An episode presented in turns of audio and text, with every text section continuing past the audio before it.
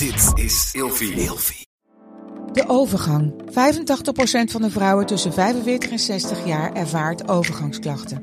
Klachten die kunnen leiden tot een verkeerde diagnose of langdurige arbeidsongeschiktheid. Wat kun je doen als je overgangsklachten ervaart? Hoe maak je dit bespreekbaar op je werk? En als jouw medewerker bij jou komt, wat kun je als werkgever dan doen? Sector Instituut Transport en Logistiek heeft een kennisplatform ontwikkeld waar jij terecht kunt voor tips en adviezen. Wil je hier meer over weten? Kijk dan eens op stl.nl/slash overgang.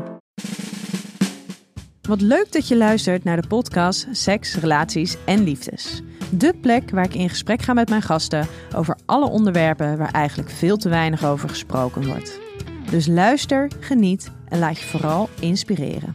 Hoezo zit jij een beetje zo mee te praten met mijn eh, intro? Omdat ik eh, een paar afleveringen voor heb geëdit, weet je nog? Ja. En, En ik ken, geniet. Ja, ik ken deze gewoon heel... Ja, ik ken deze jingle gewoon goed. Heel dus ik vind het heel grappig. goed. Hey luisteraar, welkom bij een nieuwe aflevering van Seks, Relaties en Liefdes. Met vandaag als gast Michelle van Rijnberg. Zij is de host van de podcast Kopzorgen. Eh, en jij hebt vorig jaar jouw stage eh, binnen ons bedrijf gelopen. En ehm, ik denk dat dat voor iedereen die daarbij betrokken is geweest... een hele interessante periode is geweest. Ja. Ehm, waarin ik een heleboel heb geleerd over Gen Z. En dat is dan ook waar wij het vandaag over gaan hebben. Namelijk seks, relaties en liefde door de ogen van Gen Z. Oftewel, generatie Z. En ik moest zo lachen. Ik, eh, een van de, ik was van de week een podcast aan het luisteren van ehm, eh, Allereerste Dingen. Ja. En daar werd dus, hoorde ik dus voor het eerst dat daar dus het als dusdanig werd uitgesproken. Generatie Z. Terwijl ik dus zo gewend ben aan dat Gen Z, dat ze het had over generatie Z. Ik denk, generatie Z? Waar heeft zij het nou over? Oh, ik hoor het vaak als generatie Z. Echt? En minder als Gen Z. Ik vind Gen Z heel Amerikaans Oh, klinken. ja, misschien zit er ook een beetje een oordeel in, in Gen Ik, Z. ja, ik merk dat ik me heel erg eh, bedrukt voel door dat hokje waar we in worden gestopt. Ja? Van als je tussen deze en deze bent, dan ben je dit en heb je die bepaalde eigenschappen. En dan ga je zo met dingen om en denk van, nou, oké. eh, maar goed, dat is met millennials en boomers natuurlijk ook zo. Ja, precies, precies. Dus eh, nou ja, als je generatie Z, dat zijn alle mensen die geboren zijn tussen 1995 en 2010. Ehm, nou ja, er zijn, denk ik, tijdens je stageperiode een aantal hele duidelijke momenten geweest waarop er gewoon enorme verschillen naar voren zijn gekomen tussen eh, Gen Z en hoe, hoe jij naar bepaalde situaties keek en ook degene met wie jij stage liep en hoe eh, Ramon en ik als millennials ehm, naar bepaalde hoe Ramon is geen millennial. Zeker wel, is 1980. Huh? Maar Zo jullie oud schelen- is hij niet hoor. Ramon is toch Nee, een boomer, nee? 1980, 1980 is eh, eh, 1980 tot 1995 Valt, is eh, vallen jullie onder dezelfde categorie? Ja? Oh. Ja, ja. Zie hij- juichen. Ja, hij is nog niet zo uit. En het feit dat hij en ik gewoon ook wel anders met dingen omgaan, dat gaat ook gewoon over het feit dat we verschillende personen zijn. Ja, maar is dat niet ook een beetje zo bij ons twee? Nou, ik wou net zeggen, ik snap dat het heel erg generaliserend is. En we voor het gemak gewoon lekker iedereen over één eh, kam scheren. Maar ik denk wel dat er duidelijke trends zijn. Want er is gewoon een heel groot verschil tussen of jij eh, pas in de jaren negentig voor het eerst met internet te maken kreeg. Of dat je gewoon vanaf het moment dat je geboren bent internet hebt gehad. En Ja. de manier waarop je ding, met dingen omging, de manier waarop er gecommuniceerd werd.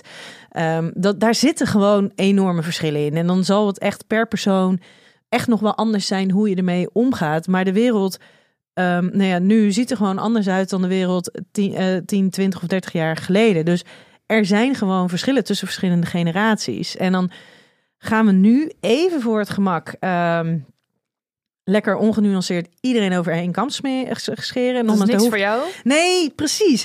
Ehm, want voor de verandering ben ik daar dus lekker even heel erg ongenuanceerd in. Maar daar waar ik dus soms tot aan het vervelende toe ehm, alleen maar Genuanceerd genuanceerd ben. merk ik dus wel dat, dat er van alles in mij wordt opgeroepen als er dus dingen zijn ehm, in hoe Gen Z bepaalde dingen ziet en beleeft.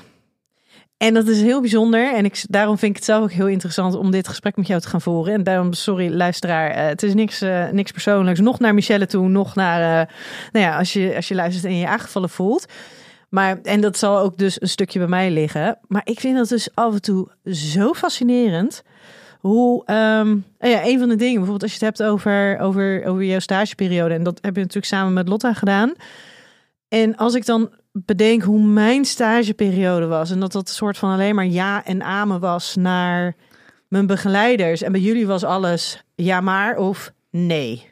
Ja, Het hele idee van hey, je hebt een stage en dan ben je een soort van stel je een soort van bescheiden op en een beetje nederig en dan ga je echt je gaat leren en gaat dingen ontdekken en en dus, jullie hebben ook een heleboel ontdekt en een heleboel geleerd, maar dat dat was echt wel een ding dat ik dacht wow. dat zijn jullie bij de hand. Zo, hou eens even op, man. Maar ik heb daar een kanttekening bij, want ik leer meer door te vragen en door die discussie aan te gaan, door tegen die muur aan te lopen. Ik kan me voorstellen dat als begeleider je gewoon irritant is. Maar wat leer je er nou van als je dat stil in een hoekje gaat zitten en een beetje Ja, ja, maar- ja, ja, ja, ja. En weet je hoe, hoe vermoeiend het is om voortdurend dus in discussies te gaan?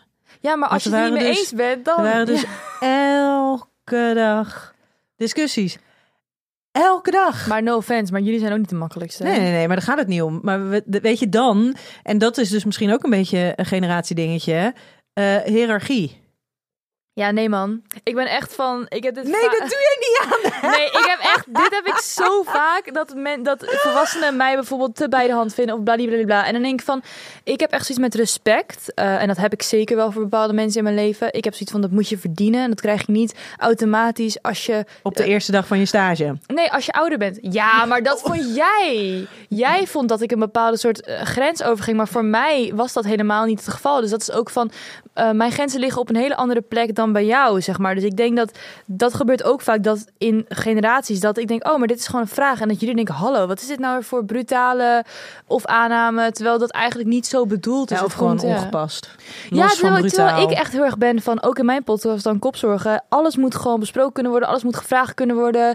Ik hoop ook dat mijn kids alles later aan me vragen, omdat ik gewoon niet hou van, ja, te veel, ja, hoe zeg je dat, beperkingen of zo. Of je mag niet vragen over geld. Hoezo mag je niet vragen over geld? Dat is toch hartstikke interessant? Ja, dus volgens mij ging het ook over geld die eerste dag of zo. Toen zei ik iets van... Onder andere, ja. En dan denk ik, ja, voor, wat voor, voor de een ongepast is, voor de ander van, oh prima, vraag maar, weet je wel. Dus ik denk dat ik misschien in het werk wat jij en jullie doen had verwacht dat er iets meer soort van openheid in was. Maar voor jou had jij misschien zoiets van, ehm, Hm. kom je nou voor de eerste dag binnen en ga je gelijk over mijn geld vragen? Nou, Ja. en dat er bij jou enorme aannames in zaten. Sowieso, ik ben heel erg van de aannames. En daar, daar ging het denk ik op mis. En Ja. dat is misschien ook wel een stukje wat er dus in, in, de, in mijn beleving, dus nu heel erg in de Gen Z speelt, is dat er heel veel aannames worden gedaan. Jij bent dit, jij doet dit, dus. Ja, maar dat Heb is je ook dat? een bepaalde bescherm, beschermingsmechanisme. Voor mij althans. Het is, eh, er is zoveel en er is zoveel nepheid tegenwoordig. En je ziet superveel voorbij komen. Het is soms ook,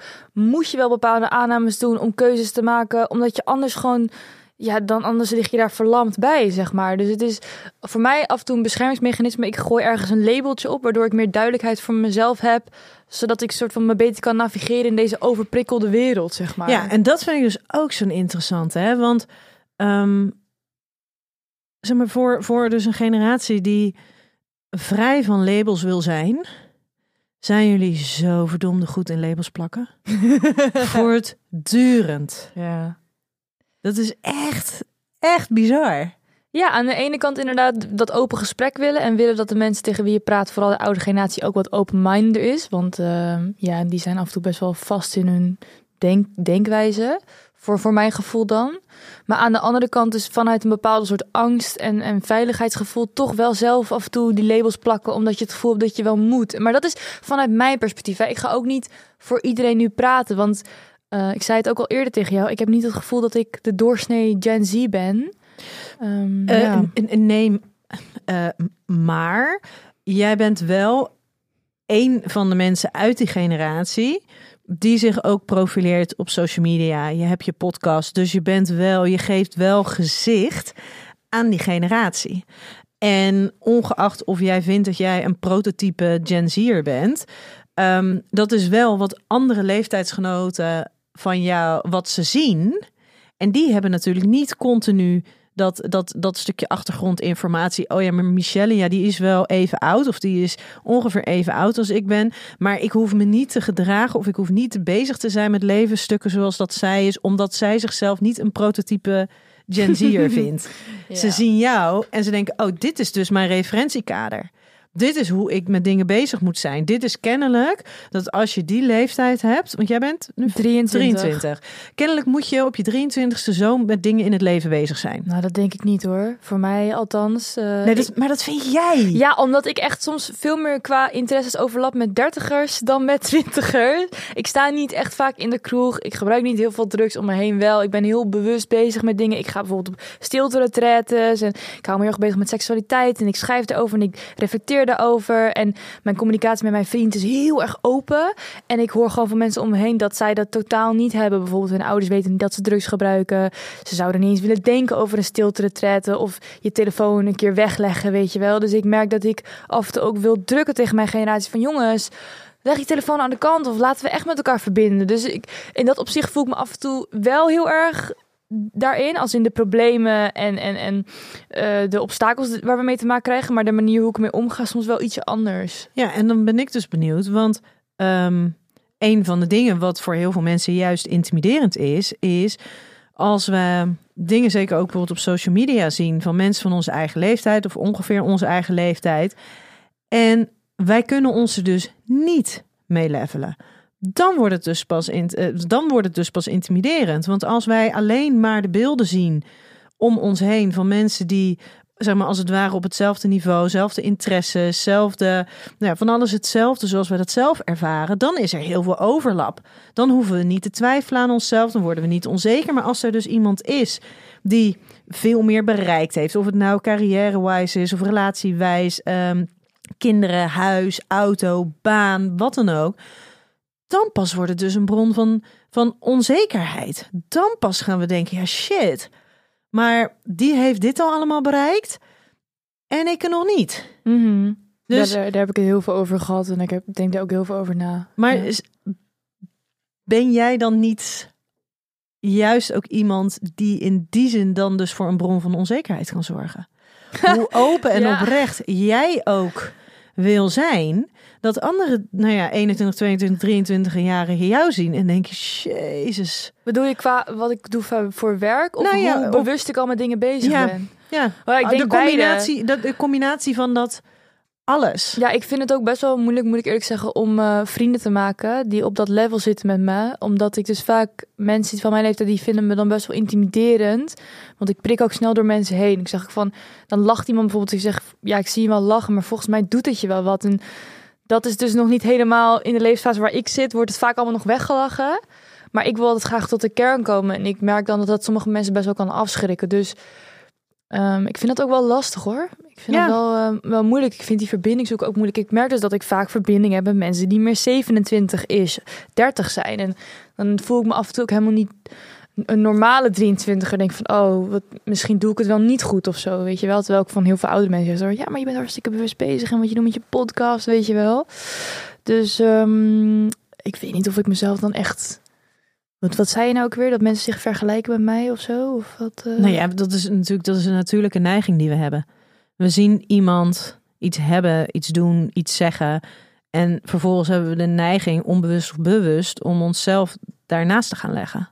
Ja, maar dat doe ik zelf ook. Maar ook bij Ilfie bijvoorbeeld. Wij zitten dan bij Ilfie en ik heb daar mijn podcast. Ik kwam laatst achter, ik ben de jongste maker hier.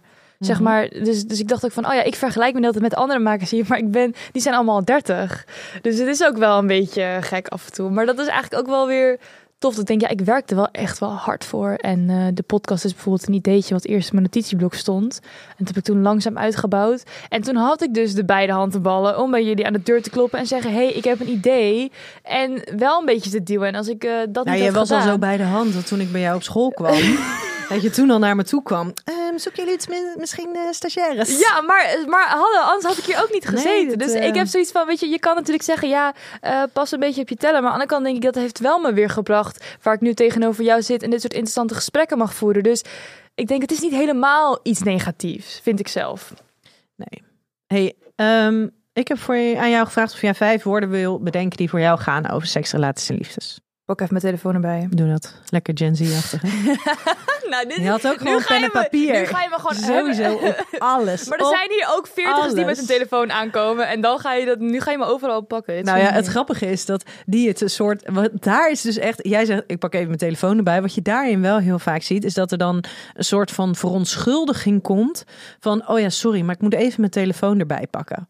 Ja, omdat, het, omdat ik het wel onbeleefd vind. Je ook al. de Sorry nu niet. Maar nee, maar ik bedoel meer dat. Dus inderdaad, ehm, de, de, de 40ers of 50ers. Oh, die zeggen sorry. Die zeggen dus die Ja, verontschuldigen voor, zich voor het feit dat ze een telefoon erbij moeten pakken dan. Oh, Oké. Ja. Ja, nou ja, ik vind het wel onbeleefd, maar ja, ik moet het ook gewoon ownen dan in die zin. Eh, de vijf woorden die ik heb opgeschreven zijn... Ik heb samen, vertrouwen, ontwikkeling, plezier en vrijheid. En ik heb ook bij ieder woord een uitlegje, want ik weet dat je dat ook wil. Mhm. Ehm, wil je dat kort, en, kort en krachtig uitleggen. Oké. Samen omdat je in relaties gewoon alles samen doet. En ik eh, vind het belangrijk om tijd te hebben voor jezelf. Maar dat je daarna terugkomt om samen te reflecteren en eruit te komen. Als er dan problemen of dingen zijn. En vertrouwen, nou zonder vertrouwen heb je niks. Dus ja, ik vind dat gewoon zelf heel belangrijk. Ook omdat ik best moeite heb soms om mensen te vertrouwen. In een wereld waarin alles beweegt en eh, er altijd betere opties zijn, tussen aanhalingstekens. En ontwikkeling is omdat ik nog heel erg jong ben. Ehm, en ik ben nog steeds heel erg in ontwikkeling. Dus echt elke maand verander ik voor mijn gevoel. Dus dat moet ook onderdeel zijn van seks, relaties en liefdes. eh, op alle vlakken, denk ik. En dat daar ruimte voor is. Want het is gewoon fijn om te erkennen dat je als twintiger nog volop in die verandering zit. Eh, plezier omdat, ja, plezier is gewoon heel belangrijk. Gewoon lekker blijven spelen. Ook al word je volwassen en moet je ook rationeel zijn. Denk af en toe gewoon, als je gek kan doen met je partner, dan dat dat gewoon echt heel chill is. En het creëert gewoon een veilige sfeer. Ehm, zelfs veiliger dan als je bijvoorbeeld een serieus gesprek kan voeren. Als je gewoon je voet in iemands gezicht kan duwen en daar gewoon om kan lachen. En eh, vrijheid. Ja, ik denk eh, verschillende betekenissen daarvan dat ik de vrijheid heb om mezelf te kunnen zijn. Ehm, dat ik vrij kan zijn in de relatie, ook mijn eigen ding kan hebben. En dat je ook de vrijheid hebt om zelf dingen te onderzoeken. Dus op het gebied van seksualiteit vind ik het ook nice dat ik losgelaten word. Dat ik ook in mijn eentje dingen kan onderzoeken hoe mijn lichaam werkt. En dat dat gewoon oké is. In plaats van dat je partner zegt van ja, maar we moeten het toch samen doen. Want we- weet ik veel, seks is iets wat je samen doet. Nee, ik vind dat je seks ook iets is wat je alleen kan doen. Ook al ben je in een relatie. Dus ehm, dat eigenlijk. En dan ben ik Was het kort genoeg voor je? ik heb echt mijn best gedaan. Ja, heel goed, heel goed, heel goed. Ik ben trots op je. Hey, als je het dan hebt over, die, ehm, over dat ontwikkelen, hè? want wij hebben het daar ook al eerder over gehad. Wat dat betreft hebben we natuurlijk ook in een bijzondere situatie gezeten. Dat door de podcast die we maken, door de verschillende onderwerpen die daardoor elke keer ehm, ter sprake komen. En een stukje research en zo, wat daarvoor gedaan moet worden. Hebben wij, denk ik, als je kijkt naar een normale stage eh stagetraject hebben we natuurlijk ook heel veel gesprekken gevoerd die veel persoonlijker waren dan dat je op een willekeurig andere stageplek zou hebben. Ehm, ja, ligt er een beetje aan waar je zit. Maar, Ja, maar over het algemeen. ik heb nog nooit op zo'n statische plek gezeten, dus dat zou ik ook niet Nee, maar zeg maar of je nou op een kantoorbaan zit, maar ook als je, weet je, ik heb op de seksologie, maar daar ging het ook nooit over mij. Wel wat dingen met mij deden als ik in contact was met cliënten, maar niet mijn hele geschiedenis over hoe ik over dingen dacht, dat soort dingen. Oké.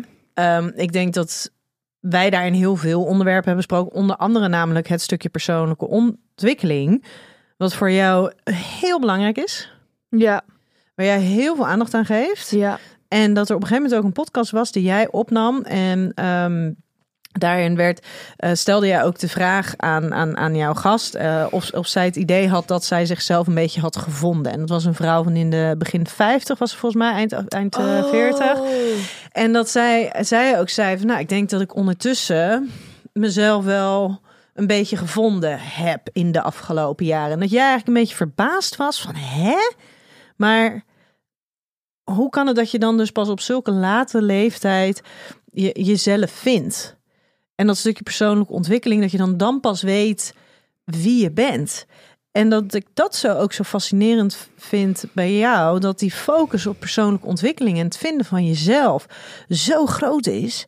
Terwijl sommige dingen, ja, daar kom je pas achter op het moment dat er grote incidenten plaatsvinden. Ja, En kan je helemaal niet afdwingen. Hoezeer je ook geïnteresseerd bent in persoonlijke ontwikkeling. Ik moet ook wel zeggen dat dat is ongeveer een jaar geleden dat ik die op heb genomen, die aflevering. En ik merk wat ik net zeg, ik verander elke maand voor mijn gevoel weer een beetje. En ehm, ik moet zeggen dat ik daar nu ook wel anders over nadenk. Dat ik steeds meer juist door die zoektocht erachter kom dat het gewoon langer de tijd neemt. En dat je in elke fase van je leven weer, dat er nieuwe dingen omhoog komen met die fases, zeg maar. Maar ja, je wil gewoon graag weten wie je bent en wat je wil, zodat je weet waar je naartoe kan. En dat geeft gewoon een stukje veiligheid. En Maar is dat niet schijnveiligheid? nou ja, Want- zoektocht is af en toe echt zo kut. Ik Maar bedoel, vraag ik heb, maar ik iedere heb nog nooit, ik heb nog nooit een zoektocht gedaan. Ik heb nog nooit een zoektocht gedaan. Ik heb maar ik denk dat dat nooit- samengaat met dat hele gevoel van succesvol eh, willen zijn of zo. Als, als jong persoon van eh, ik moet veel bereiken. Weet je, op de social media. Dat je denkt van oké, als ik weet wat ik wil en wie ik ben, dan kan ik er vol voor gaan. En dan ben ik er ook, weet je wel. En, en dat, dat niks doen, dat dat dus een beetje wordt gezien als of zoekende zijn, dat is dan niet echt goed, weet je wel. Van ja, Ja, maar- je bent zoekende, wat ben je nou eigenlijk aan het doen? Je bent 27 en je werkt nog in de horeca. Dat is niet cool, weet je wel. Nee, ik denk dat het heel makkelijk is om een soort van purpose in je leven te hebben. Om ergens iets tegen te komen waarvan je denkt: hey, dit vind ik leuk, dit past bij mij, hier kan ik dus in gaan investeren. Maar er is een verschil tussen helemaal niks doen, een soort van overachiever zijn en het gevoel hebben dat je dus nooit even stil mag staan en continu op zoektocht moet zijn totdat je alle concrete antwoorden hebt. Ja, nou ben ik dat dus wel meer aan het leren. Maar even kanttekening bij jou. Je, daar hebben we het ook over gehad. Jij wist al vrij snel wat jij leuk en interessant vond. En ik ben echt iemand die heel veel dingen interessant vindt. Dus waar ik laatst ook achter ben gekomen is dat ik denk... Wat ik vooral belangrijk vind is die verbinding. En ik denk dat in meerdere banen of carrières vorm kan geven. Dus ik, ik wilde altijd één carrière en dan dat ging ik doen. En nu denk ik steeds van, oh, waarschijnlijk kan ik ook verschillende dingen doen waar dat ene element wat ik mooi vind in terugkomt. En heb ik daar wat meer rust in ge- ge- gekregen voor mezelf. Maar ik moet zeggen, dit is echt iets van de afgelopen drie weken. Dus snap je wat ik bedoel? Eh, Je wordt ook vaak gepakt op dingen die je dan een jaar geleden hebt gezegd. Of, of een half jaar geleden. Terwijl ik denk, hè, als je mij kijkt van drie jaar geleden, dat was zo'n ander persoon. Ja, maar misschien zit daar dus een, een, een, een Gen Z leerdingetje in om wat minder stellig dingen te roepen. Maar hoe doe je Wat- stellig dingen roepen? Nou ja, als jij dus inderdaad zegt van nou, ik moet weten wie ik ben. Dit is super belangrijk en dit is het belangrijkste wat er is. Of dit is waar ik voor sta in het leven. Waarbij je er dan vervolgens achter komt. Oh ja, maar het leven werkt misschien ook soms wat anders. Dat er dus heel dat je jezelf zoveel meer ruimte creëert ehm, of geeft. Door wat minder stellig in die dingen te zijn. Dus wat genuanceerder zijn, wat meer in het niet weten is ook oké. Weet je, Maar als- als je- eh, eh, wacht, ik wil even een vraag stellen. Want ehm, ik merk dat je best wel, jij ook nu best wel in de vooroordelen zit over Gen Z. En ja, maar dat was de bedoeling hiervan. hè? Ja, maar ik ben ook wel benieuwd. Vind je dat we het...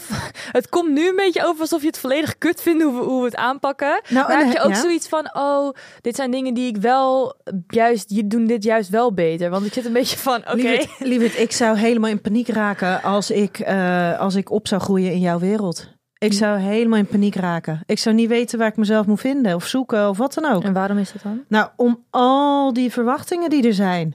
Om al die antwoorden die je maar moet hebben. Op continu dat maar overal aan moeten voldoen. En holy moly. Maar dan is het gedrag wat eruit voorkomt toch eigenlijk niet heel gek? Nou, maar dat is ook helemaal niet gek. Maar daarin zou ik het zo fijn vinden als er dus... Maar jullie hebben er wel een mening over constant. Ja, maar in die mening, daar schuilt ook een stukje... Doe het alsjeblieft anders. Haal adem. Doe chill.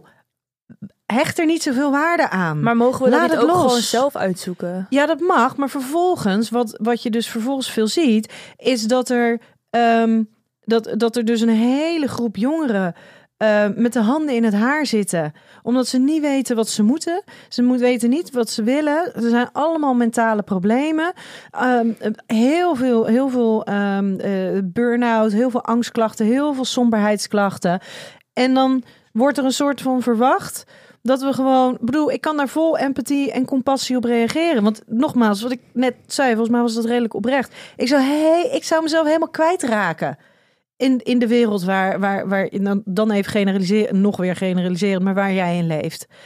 Ik zou, dat, ik zou dat helemaal niet willen. Ik zou er echt doodongelukkig van worden. Dus ik begrijp heel goed dat er heel veel mensen zijn die, die daar het lastig vinden om hun draai in te vinden. En die heel stellig zijn in de dingen die ze vinden. Om maar een soort van gevoel van eh, sense of belonging te vinden. Maar daarvan denk ik ook van ja, maar het kan dus ook anders. En dan zou ik toch. Dan, dan zou het toch niet eerlijk zijn als ik zou zeggen: Weet je, Michelle, zoek jij het lekker uit. Hè? Nee, nee, dat niet. Maar ik wil- wilde net zeggen, jij hebt het inderdaad niet geleefd. Dus het is zo makkelijk om er dan vanaf de buitenkant naar te kijken en een oordeel te hebben. En wat je net ook zei, ik vind het heel fijn als volwassen mensen of mensen die wat ouder zijn, andere generaties zeggen van hé, hey, ik- kan me wel iets bij voorstellen. Dat lijkt me ook wel pittig. Gewoon inderdaad die compassie. En het enige wat, wat ik denk wil, is gewoon gezien worden in hoe, hoe moeilijk het af en toe is. Maar dat het ook, het is niet alleen maar moeilijk, want er zijn ook veel meer mogelijkheden. En soms is dat lastig en kan dat voelen als een soort van dolf waar je doorheen waant. Maar aan de andere kant denk ik, weet je, soms ook iets van, weet je, suck it up, het komt al goed. En dan gewoon doorgaan. En dan verwijder je social media gewoon even van je telefoon. En dan verleg je je focus gewoon weer even op de natuur en op de mensen om je heen. Ik bedoel, het is gewoon nice als mensen wel erkennen van, joh, je bent niet verwend, maar het is gewoon een andere wereld. Maar ik vind het oordeel wel af en toe een beetje irritant als mensen het niet zelf hebben geleefd, weet je wel. Dan ja, het is zo makkelijk om als je 10 of 20 jaar ouder bent zeggen, ja, waar maak je zorgen over? Dan denk ik, ja, Nee, ik denk, ik zeg helemaal niet dat je nee, maar verwend dat, hoor ik. wel. Nee, maar ik Nee, hoor maar wel ik zeg- vaak die dingen. Ja, maar ik zeg absoluut niet dat je verwend bent. En ik zeg ook absoluut niet. Wat zei je nou als laatste? Sorry. Maak je geen zorgen. Of Eh, waar maak, je je zorgen of, over? waar maak je je zorgen over? Ehm, want ik snap heel goed dat de manier waarop je dus over na, dingen nadenkt en de dingen dat je je er dus zorgen over gaat maken. En dat het daarom dus het zo helpend kan zijn. Net zo goed als dat wij ook weer als, als, zeg maar, als millennials ook gewoon kunnen leren van de boomers. Om dingen dus op een andere manier, om op een andere manier met dingen om te gaan. Ja, en daarbij zie ik ook heel veel eh, oude mensen, waaronder dus mijn, mijn ouders, die dan zo lang op een bepaalde manier hebben gedaan. Op een gegeven moment tegen een muur aanlopen en een burn-out krijgen. En dan denken, oh, ik ga naar Bali en ik ga lichaamswerk doen met energie. En denk van, moet ik dan naar jullie gaan kijken hoe ik het dan moet doen? Zeg maar, ik ga het gewoon anders doen. Want ik zie ook om me heen, ik denk ja, alsof jullie wel gelukkig zijn. Ja, no offense, maar... Soms moet je advies aannemen van oudere generaties, terwijl je ook op een gegeven moment denkt als, als twintiger van ja, wat de fuck zijn jullie eigenlijk aan het doen? Dus Ja, maar is het niet wel? continu een balans? Ja, en ik denk ook dat dat oordeel naar beide kanten is. Gewoon van laten we elkaar proberen te zien in plaats van constant met de vinger te gaan wijzen naar elkaar, weet je Mhm. wel? Want de, de vorige generatie wist ook niet beter. En wij proberen het nu beter te doen. Het gaat ook niet altijd goed. Maar at least we're trying, weet je wel? Dat denk ik dan. Hey, ik heb voor jou eh, de kutkeuze, want wij gingen het namelijk ook over seksualiteit en de liefde hebben en zo. dat is een veel gezelliger onderwerp. Nou ja, maar het is dus wel iets. Het is dus wel iets wat speelt. En als je dus, weet je, als je er dingen van opzoekt, ook online en zo, er zijn zoveel. Er, ge, er gebeurt in ieder geval, er gebeurt een heleboel. Wat dus, nou ja, zeker, ik ben natuurlijk ook systeemtherapeut. Wat ik fucking interessant vind, dat dat dus zo gebeurt. Dat er dus op een of andere manier zo'n clash is, terwijl het maar één generatie is. En dat vind ik fucking interessant. Ja, same. Oké, de kutkeuze. Seksualiteit of intimiteit? Intimiteit. Strikte monogamie of een relatie met meer vrijheden? Relatie met meer vrijheden. Geven of ontnemen, eh, geven of ontvangen in de seks? Eh, ontvangen. Waarom lach je nou? Nou, omdat ik me een gesprek kan herinneren.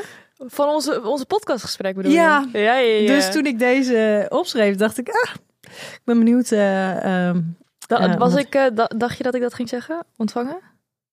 Ja, omdat er, dat er voor jou iets in het geven. Ja, mijn pijpangst. ja jouw pijpangst. Ja.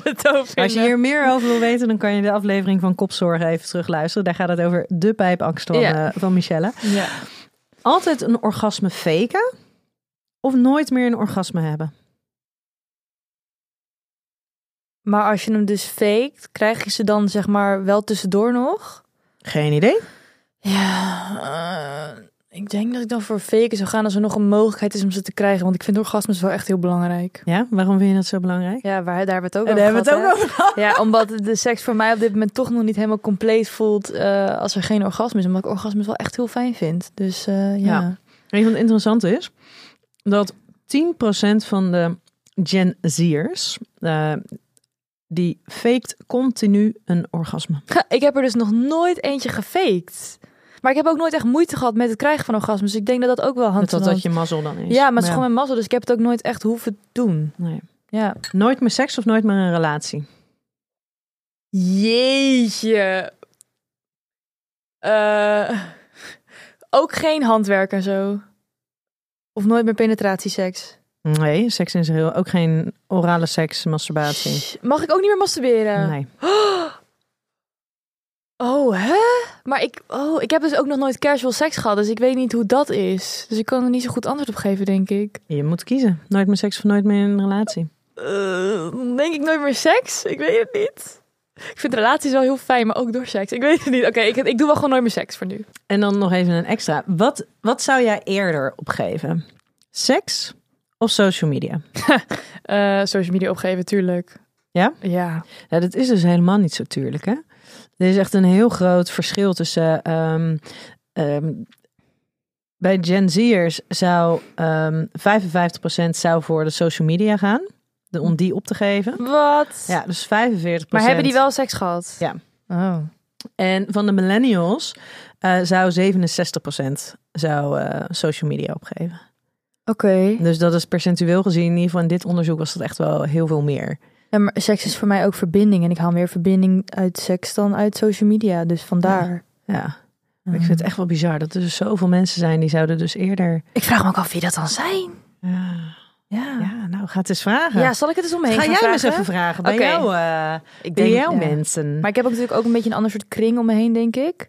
Ehm, ja, ik kies wel bepaalde mensen uit die waarschijnlijk ook een beetje dezelfde waarde hebben als Mhm. ik. Maar kijk eens op eh, social media. Zal ik het vragen? Oké, is goed. Laten we even vragen. Ja. Oké, ehm, we gaan naar de stellingen. En je weet, ik zit dus even lekker in het ongenuanceerde en in de vooroordelen, ja? Mag ik er gewoon tegen hier gaan? Eh, ja, maar wel onderbouwd. Oké, oké. Ja? ja? Ja, fair. fair. Oké. Gen Z'ers zijn gevoeliger voor afwijzing en afhankelijk van anderen in het bepalen van hun eigenwaarde. Ehm, gevoeliger voor afwijzing en. Mm, jeetje. Ik, vind het, ik voel me toch een beetje oncomfortabel bij dat ik voor iedereen nu moet gaan spreken. Als ik luister een Gen Z en die denkt, ja, maar hallo. Nee, maar dat is met, dat is met dit met alles. We hebben hem al geïntroduceerd. Ik heb al even alle verantwoordelijkheid op me genomen dat ik volledig ongenuanceerd ben. Ja, we gooien dit naar jou, goed? We gooien hem op mij en dat, we, dat ik volledig ongenuanceerd ben in deze. En dat we even voor het alle gemak alle Gen Z'ers over één kam scheren. Terwijl we weten dat niet iedereen zich hierin zou kunnen vinden. Oké. Dus dat is even de grote disclaimer.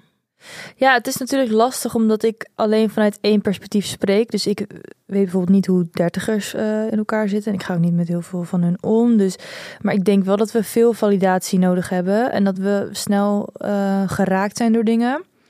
Of ik in ieder geval althans. En ik denk dat die validatie ook vooral komt omdat we dus nog zo zoekende zijn naar wie we zijn en wat onze plek is in de wereld. En je daar gewoon veel bevestiging bij wilt. Ik kan me nog wel herinneren bij die stage ook dat ik eh, veel bevestiging wilde van doe ik het wel goed? En is, is het wel goed zo? En kan ik het misschien anders doen? En wat vind je van me? Mag je me wel? Weet je wel? Omdat ja maar dat komt ook omdat ik wel gevoelig ben voor voor die energie en zo. Dus dat is dan ehm, ja ja maar weet je wat je ook kan denken dat wij het misschien ook meer laten zien en er meer open voor zijn dan de wat oudere generaties dat die dat het misschien meer als een taboe of als een zwakte wordt gezien dus dat diegene het gewoon niet uiten maar zeker wel voelen want ik denk dat iedereen gevoelig is voor validatie en eh, soms kunnen volwassen mensen ook doen van ja, nee, boeit me allemaal niet. En eh, dan denk ik, ja, ja, ja, ja, zal wel, weet je wel. Ik bedoel, je komt op een gegeven moment ook achter dat je ouders geen superhelden zijn. En dat ze ook gewoon fokkops maken. Maar die komen er misschien gewoon minder voor uit, omdat dat hun ook niet is geleerd. Nee.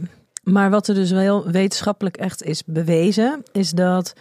ehm, ah, en dan praten we dus even in millennials en. ehm, eh, en dan, nou ja, de millennials eigenlijk die in de jaren tachtig zijn geboren. Eh, en de Gen Z'ers is dat een groot gedeelte van de eigenwaarde is bij millennials al ontwikkeld voordat ze in contact komen met social media. En dat dat dus een heel belangrijk verschil is met Gen Z, is dat als dat gevoel van eigenwaarde zich echt gaat ontwikkelen, en zeker de puberteit is daar gewoon een hele, hele gevoelige fase in, ehm, dat ze dan direct worden blootgesteld aan al die eh, sociale media input, aan al die indrukken. En dan gaat het al over ehm, eh, wie heeft hoeveel volgers, hoeveel reacties krijg je op foto's, foto's die weer offline worden gehaald op het moment dat ze te weinig reacties hebben. Oh ja, dat herkenbaar. soort Ja, ja, ja, ja. En dat je dus ook echt veel gevoeliger bent voor het aantal uh, nou ja, likes en reacties wat daarop komt. Ja, dat is wel zo. En Ik dat moet- het echt wat over jezelf, dan, dat je die echt voelt. Maar ja, ik kom ook uit 1999 en ik kan me voorstellen als je in 2005 bent geboren dat dat nog een stuk erger is. Want bij mij was het eerst gewoon tv, toen een beetje soort van die computer-internet. En op een gegeven moment werd dat telefoons en ja, toen kwam Instagram en toen was ik denk 12 toen die app voor het eerst soort van online kwam. Dus ik denk dat, of daar gebruik van ging maken. Dus ik denk dat het nog erger is voor mensen die iets jonger zijn dan ik. Die zijn er nog eerder mee in aanraking gekomen. Ja, maar er zit toch een limiet van 12 of 13 jaar op op Instagram ja, zo? nu, maar toen niet. Oh, dat weet ik Toen niet. hij net online kwam, was het gewoon voor het delen van fotootjes en dan met van die grappige filters. En het was, nu is het echt een verdien. Het is echt bizar wat het nu is. Maar toen, hoe onschuldig het was in mijn tijd. In mijn tijd. Ehm, toen, toen was er helemaal nog geen beperking. Want het was gewoon om, om grappige foto's op te delen van, van de bank met je voeten. Dat je, dat je naar de voice aan het kijken was of zo, weet je wel. Toen was de voice er ook nog. Er is gewoon zoveel veranderd. Ja, als je daarover nadenkt. Ja, dat is gewoon in het afgelopen jaar veranderd, hè? Ja, nee, maar Ja. goed. Kijk, eh, als je kijkt hoe snel dingen gaan. Ja. Als gendergrenzen vervagen en genderfluiditeit hoogtij viert, mag je niet meer verwachten dat je date betaalt of je naar huis brengt. Ehm, nou, je hebt er heel goed over nagedacht, zeg. Ja. Nou ja, ik vind. ehm, qua, oh, we moeten even verschillende dingen, want het is eh, een beetje een grote stelling. Maar met betalen vind ik het wel gewoon. Ik hoorde laatst een quote van. ehm, mannen zijn goed opgevoed als ze vragen of ze kunnen betalen. En vrouwen zijn goed opgevoed als ze zeggen: eh, zullen we splitten of nee, ik betaal hem wel, zeg maar. Dus ik denk, ik ben het daar heel erg mee eens. Ik vind het wel nice, degene met wie ik op date ben, wel de eerste initiëring doet, hem laat zien van hé, hey, eh, maar dat ik zeg daarna eigenlijk altijd van, oh, maar we kunnen ook splitten hoor, weet je wel. En dan zeg ik, oké, dan betaal ik de volgende. En dan betaal ik ook echt de volgende. Dus dat dat wel gewoon gelijk wordt getrokken. Maar ik hou wel van initiatiefnemers. Maar met gender, is grappig, want wat ik zeg, over drie jaar geleden was ik een heel andere persoon. Toen dacht ik van ja, nominair, dat, wat is dat nou? Maak gewoon een keuze, weet je wel. Dat, dat soort uitspraken heb ik letterlijk gedaan. En daar ben ik zo erg van teruggekomen toen ik me meer ging educaten. Want dat was eigenlijk gewoon totale onwetendheid. Toen hebben mijn vrienden me daarop aangesproken van... hey, ga nou eerst even research doen voordat je je grote bek weer opentrekt.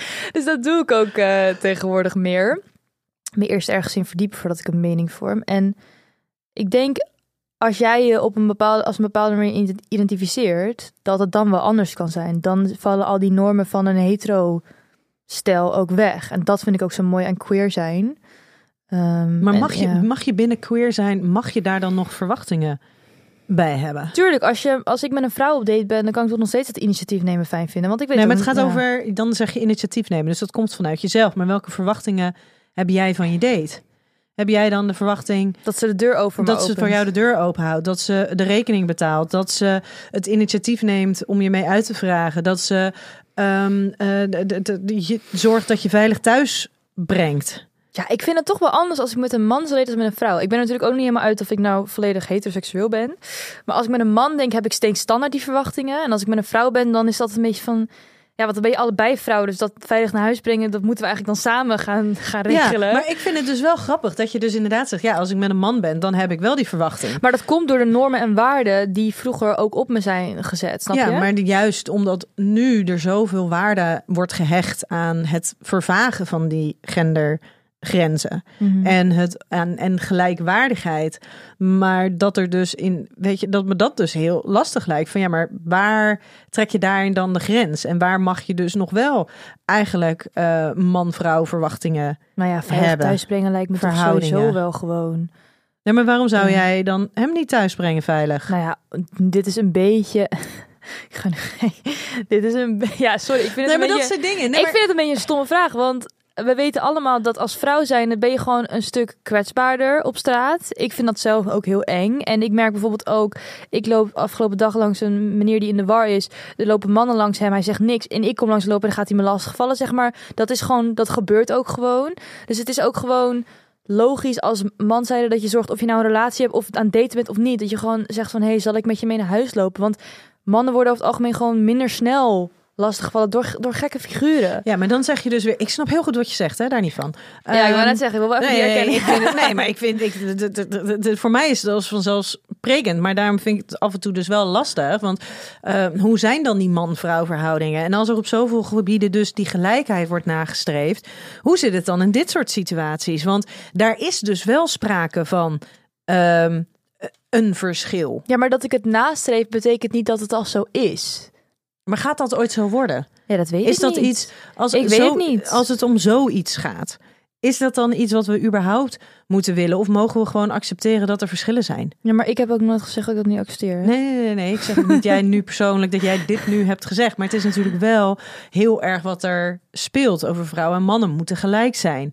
Maar dat vind jij Alle toch mensen- ook? Nee, ga nou niet Nou, zo... ik denk eh, dat er. nou, nee, doen. ik denk dat er in sommige zijn er gewoon eigenschappen die ehm, waar mannen in accelereren en mannen eigenschappen waar vrouwen zonder in detail in Maar dan te zijn we toch alsnog dan. gelijkwaardig, want dan accelereren we allebei. Ja, precies. Voor mij zit gelijkwaardigheid heel erg in gezien worden, erkend worden, in, ehm, in, in, in die balans tussen hey, wat, wat doe jij, wat doe ik en wat voegen we, zeg maar zeker in relaties of zo, eh, gaat het voor mij heel erg van hey, maar wat voegen wij, investeren we beide in de relatie in? Of dat nou gaat over financiën of, of zorgtaken of wat dan ook.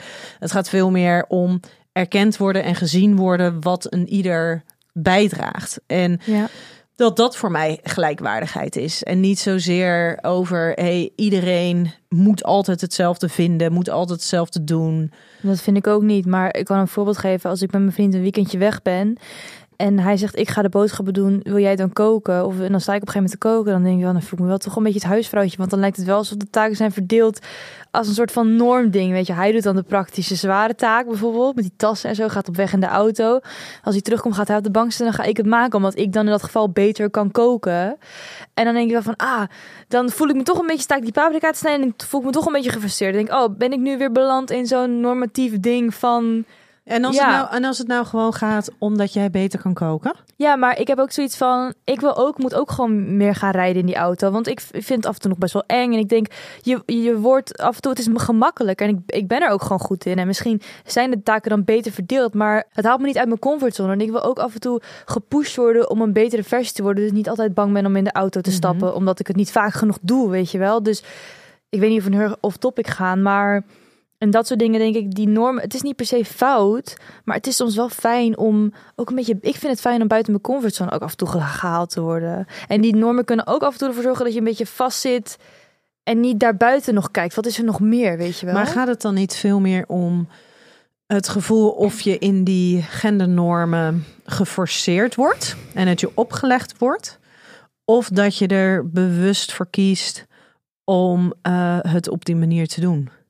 Ja, en dat weet ik dus af en toe niet zo goed. Dat is met queer zijn denk ik anders, want daarin maak je gewoon meer keuze, want er is meer speling. En als je in een hetero relatie zit, dan ik denk dat je dan toch soms automatisch in die verdelingen valt. Dat denk ik wel. Maar vind jij het dan ook, vind jij er ook wat van dan ehm, als mensen die keuze zelf maken eh, om daarin te gaan zitten? Als er bijvoorbeeld een eh stel een vriendin van jou die zou eh, moeder worden en zij stopt met werken en haar partner niet. Vind jij, vind jij daar dan wat van?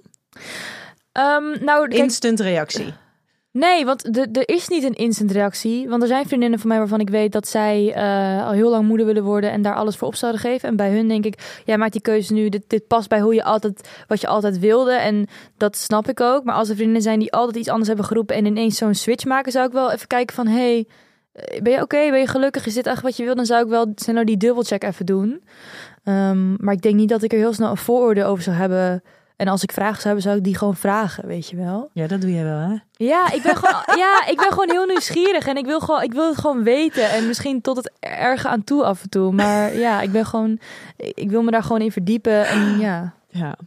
Ja. Ehm, compromissen sluiten in relaties is niet nodig als je makkelijk weer in contact komt met een andere date.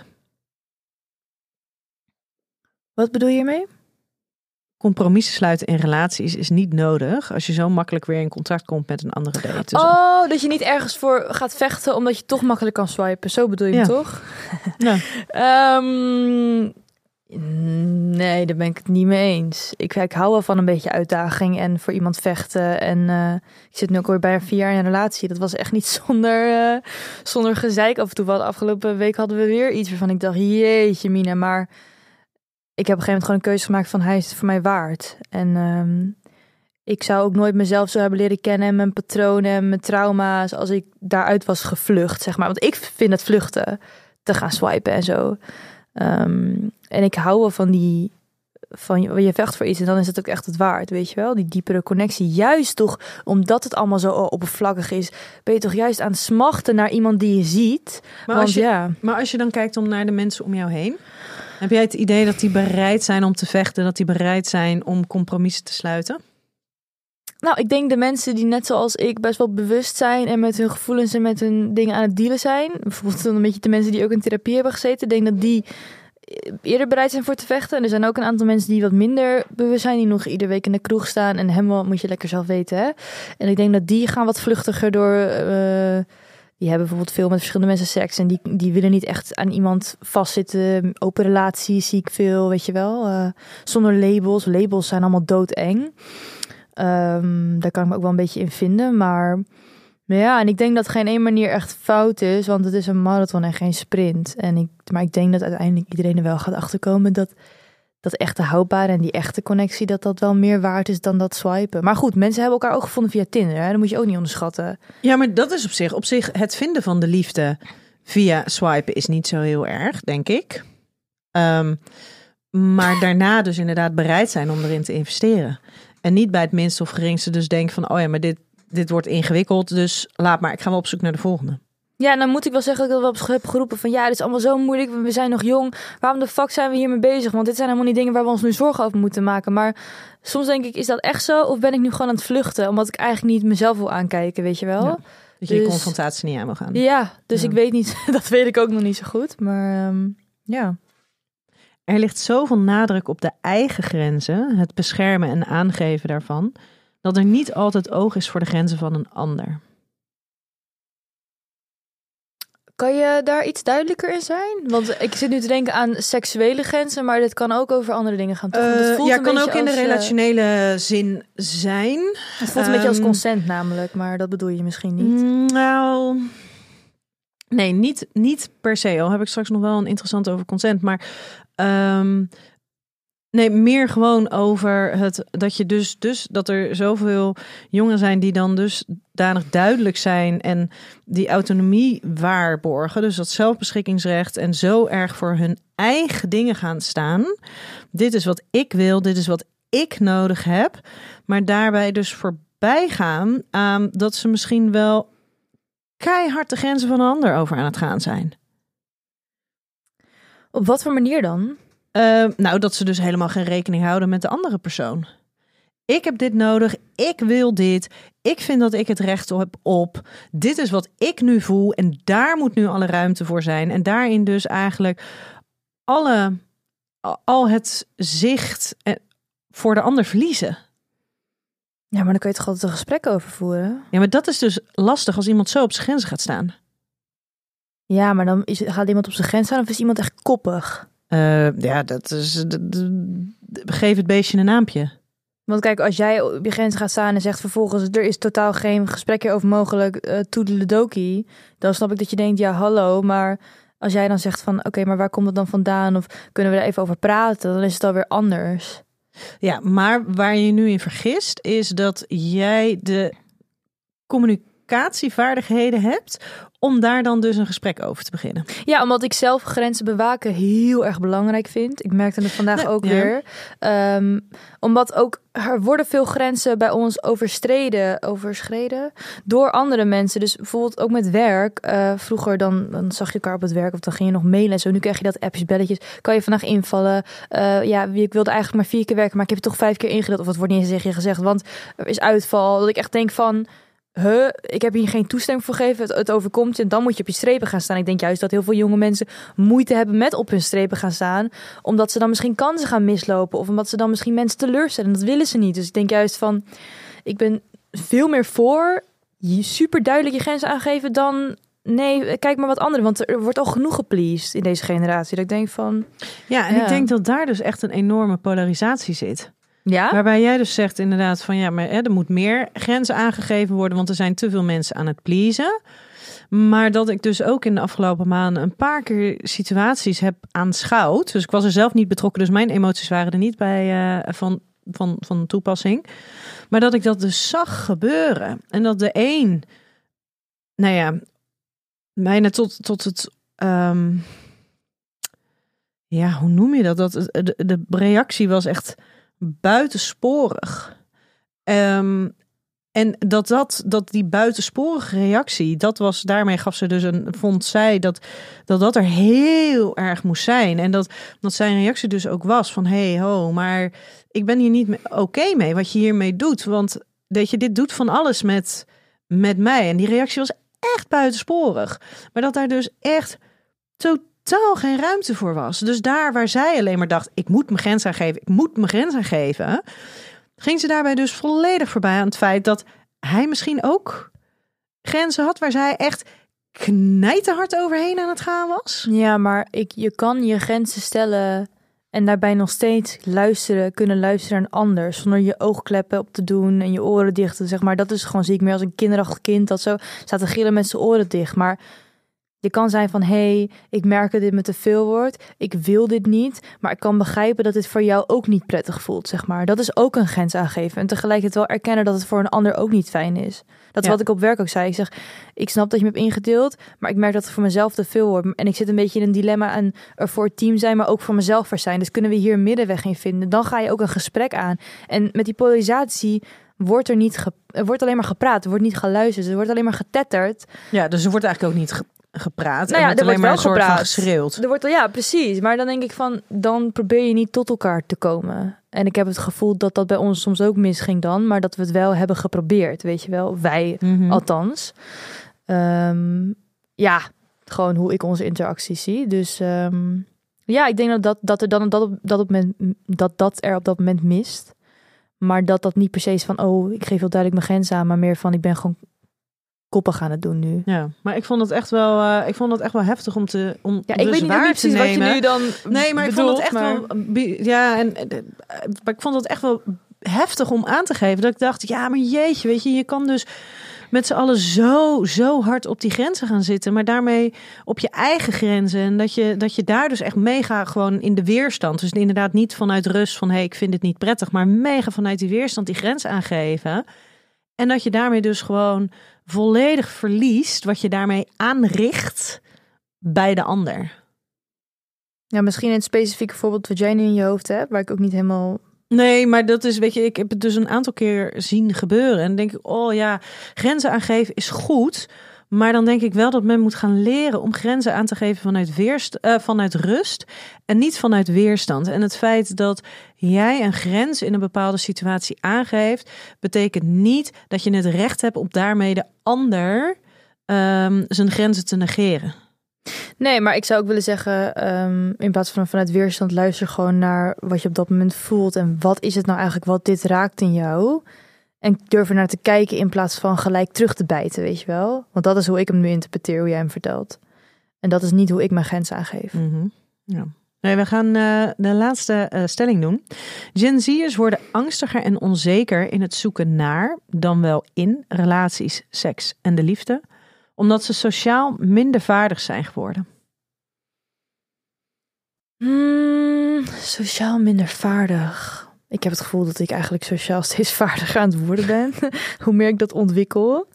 Maar het is wel iets wat Ehm, jij bewust aan het ontwikkelen bent op latere leeftijd. Ja, ik heb ook totaal geen moeite met contact leggen met mensen. Wat ik wel kan hebben is na een gesprek dat ik denk, oeh, zei ik niet iets stoms? Of dat is meer achteraf dan in het moment. En ik ken veel mensen die het in het moment al ervaren. Mm, ik weet niet, ik denk dat daar een kanttekening aan is. Ik denk dat er dus heel erg dat, dat gevoel is van falen of ik wil het goed doen. Ehm, maar aan de andere kant ook het gevoel dat wij de communicatie heel erg opengooien. En er is meer bespreekbaar tegenwoordig. En je mag meer dingen zeggen. En dat we het wel uiten naar elkaar. Eh, dat is in ieder geval hoe ik het zelf ervaar. Ja, en als het dan gaat over, hey, ik drop jou in de kroeg en ehm, succes, ga maar, ehm, ga maar contact leggen, ga maar flirten. Kunnen jullie flirten?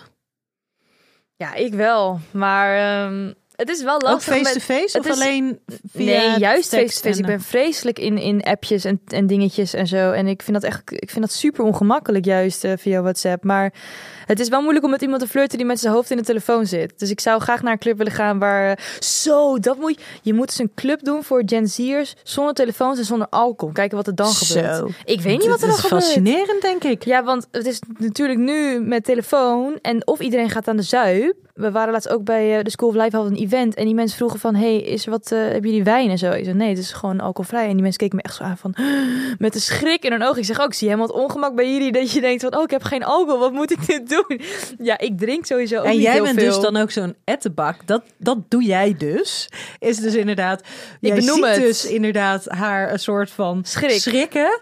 En wat doe jij? Jij gaat dat dus echt benoemen. Hè? Ja, ja. Maar het is mijn mond al uit voordat ik er twee keer Ja. over na heb gedacht. Dat is Ja. gewoon hoe ik ben. Ja, ik, ik zie het en ik. Maar ook als iemand iets raakt, zeg ik: hey, volgens mij raakt het je wel. Ik kan het zien en het doet me ook wel. Dus het is af en toe best wel brutaal, maar het kan ook soms juist die verbinding brengen. Ja, op het moment dat iemand daarvoor open staat. precies. Want ik kan me ook Ja. voorstellen, je hebt niet altijd zin om te praten over datgene wat je raakt. Nee, dan kan je grens aangeven, toch? Ja, en dan ben ik benieuwd of alle mensen dus, of mensen dus goed genoeg zijn in het aangeven van de grenzen. Maar goed, we hadden het over, eh, oh, we hadden het over flirt in een, in een Ja. club. Ehm, ja, wat ik dus net zeg, ik, ik, ik denk dat dat wel lastiger wordt gemaakt door mobiele telefoons. Maar is dat met, met 30ers en 40ers ook niet? Ehm, Contact maken nou, überhaupt lastiger wordt? Eh, het, de, de, de, de basis is er wel. Weet je, we hebben vroeger gewoon langs eh, in steegjes en eh, langs voetbalveldjes. Oh. En, eh, en Ja. inderdaad gewoon in de kroeg daarheen gaan en maar zien wie er, wie Ja. er is en wie er op je pad komt. Maar dat heb ik ook wel gehad. En ik denk wel dat, nou ja, zeker door corona is, zie je gewoon dat heel veel mensen er onzekerder in zijn geworden. Omdat ze niet meer goed weten hoe ze dan dat contact moeten maken. Ehm, maar ehm, er is makkelijker terug te grijpen op de basis die er ooit eens was. Zonder dat alle dating apps er waren, zonder dat al die telefoons continu overal maar beschikbaar waren. Maar we hebben, we hebben het toch ook een keer over gehad dat eh, zeg maar de leeftijd van seks ook steeds later wordt. Ja, en wat dus weer bijzonder is, is dat uit onderzoek, eh, maar ik weet niet hoe representatief dat onderzoek is, ehm, dat dus millennials vanaf hun achttiende seksueel actief werden en Gen Z'ers vanaf hun zestiende. Dus ik weet niet helemaal of, of, of dat inderdaad zo is, of dat dat gewoon toevallig uit dit, dit onderzoekje zo was gekomen. Want in principe was er inderdaad een trend gaande waarbij jongeren juist op latere leeftijd seks hadden. Maar misschien is daar een turning point in gekomen. Maar dat durf ik dus niet specifiek te zeggen. Wat ik nog, ehm, want wij gaan zo ehm, eh, afsluiten. Maar ik was nog heel benieuwd. Want als je het dan hebt over consent, dat is hè, en, en duidelijke communicatie. Jij bent iemand die heel duidelijk communiceert. Maar wat heel interessant is, dat ook heel veel mensen ehm, tegenwoordig het heel lastig vinden om duidelijk te communiceren. En die zeggen niet meer: hey, ik vind jou ontzettend leuk. Wil jij met mij uit? Ja. Maar die gaan er omheen draaien. Dus als het dan gaat over consent, waarbij je dus actief toestemming geeft om met iemand eh, op date te gaan, om met iemand te zoenen, om wat dan ook. Ehm, in hoeverre is consent dan altijd, zeg maar, echt, echt, ehm, wordt daar echt naar gestreefd op het moment dat je dus niet in die directe communicatie zit. Dat je daar dus omheen blijft draaien en je op een gegeven moment in de positie gedrukt voelt van, oh ja, maar ik moet nu met jou op date, want dit is wat er nu van mij verwacht wordt. Ik vind dat lastig om voor iemand in te vullen die dat meer heeft. Want zoals je net al zei, heb ik dat zelf niet echt. Ehm, maar ik denk dat consent, wat voor generatie dan ook, sowieso best wel grijs gebied. Dus je zit er ook vaak in die zaken. Ik heb ook wel eens, wel eens in een situatie gezeten dat ik dacht dat ik het wilde. Dat ik daar ook toestemming voor gaf. Maar dat ik achteraf toch ziet van... Dit is eigenlijk niet oké wat hier gebeurde. Want dus, maar toen was ik ook 18 of 19. Dus dat is ook weer dat met dat frontale deel van je brein dat dat nog niet. Dus je weet ook niet zo goed of je nou dit wel echt wilde, want je bent ook nog volop in ontwikkeling. Dus ik denk dat sowieso voor wat jongere mensen dat grijs gebied wel echt daar is, dan als je boven de 25 bent. Ehm, ja, er is een reden dat dat zo is vastgesteld met bepaalde dingen, weet je wel. Dus ik vind het heel moeilijk om daar zo'n heel direct antwoord op te geven. Uh, ook omdat ik dan iets ga invullen voor een ander en omdat ik zelf ook zo'n situatie heb meegemaakt. En daar later ook anders over nadenken dan, dan toen. Ja. Um, ja, we moeten hem eigenlijk gaan afronden. ik vind het wel uh, funny ja? dat ik geen Bobby Gin heb gekregen. ik hoor altijd in je podcast dat iemand gin krijgt. Dat is een half jaar geleden, lief schat. Oh, echt? oh, ik dacht eindelijk van, ik krijg ook gin. We hebben niet eens meer op voorraad hier. Okay. Uh, ja. Maar wat, uh, want ik ben wel benieuwd, als ik je nog een vraag mag stellen. Wat, um, ik merkte een beetje ook tijdens het gesprek dat jij inderdaad eh, bepaalde, ja, een beetje generaliserend ook af en toe antwoorden wilde. En ik zei al tegen je van, ik heb het voel ik toch anders ga antwoorden of zo. Maar hoe heb jij dat nu ervaren? In de vragen die je me stelde? Mm. Nou, weet ik niet. Want in principe, ik ken je ondertussen ook goed genoeg om te weten hoe jij antwoordt. Um, dus nee, dat was niet zozeer anders als wat ik had verwacht. Alleen vraag ik me ergens af of als je zelf er middenin zit, hè, dat is natuurlijk met, nou met alles zo of je als je er zelf middenin zit, of je dingen op dezelfde manier waarneemt als mensen die er naartoe kijken. Ja. Weet je, als, als er zullen mensen zijn in onze omgeving die naar onze, ons privéleven nu kijken en die denken: wat de fuck zitten jullie in? Terwijl ik zit erin. Ja, het is wat het is. Ja. Weet je, dus daarin, ik vind, dat vind ik dus een hele lastige. Dat wij, dat ik nu met jou praat over iets waar jij middenin zit, in plaats van dat ik met iemand anders praat over waar jij in zit. En het een hoeft niet meer waarde te hebben dan het ander. Maar het gesprek is heel anders. Ja, ik denk zelf als ik dit terug ga luisteren, dat ik dan ook af en toe denk: oh, dat ben ik het toch niet mee eens met wat ik zei of zo. Ja, dus, dus ik denk dat je wel gelijk hebt. Ja, misschien is dat een interessante. Ga jij hem terugluisteren? En dan gaan we kijken hoe jij, uh, of er dan toch nog dingetjes zijn waarvan je denkt: hé, hey, dit is interessant. Of dat je dan misschien wel denkt: oh ja, de dingen die zo zijn gezegd, kloppen inderdaad voor jou. Mhm. Maar als het een vriendin van mij zou zijn die zou volledig anders antwoorden geven. Ja, dat. En ik hoop dat de mensen die naar jou luisteren, zijn natuurlijk wat ouder dan de mensen die naar mij luisteren. Ik hoop dat, dat wat wij vooral nu hebben kunnen doen samen, is zorgen dat mensen dat gesprek wel blijven aangaan voordat ze al die aannames doen. Dus ik denk dat dat van beide kanten uitwerkt. Ja. ja. Dus dankjewel. Nou, fijn dat jij uh, er wilde zijn. Ja. Uh, we gaan hem afronden. Lieve luisteraar, tot volgende week bij een nieuwe aflevering van Seks, Relaties en Liefde.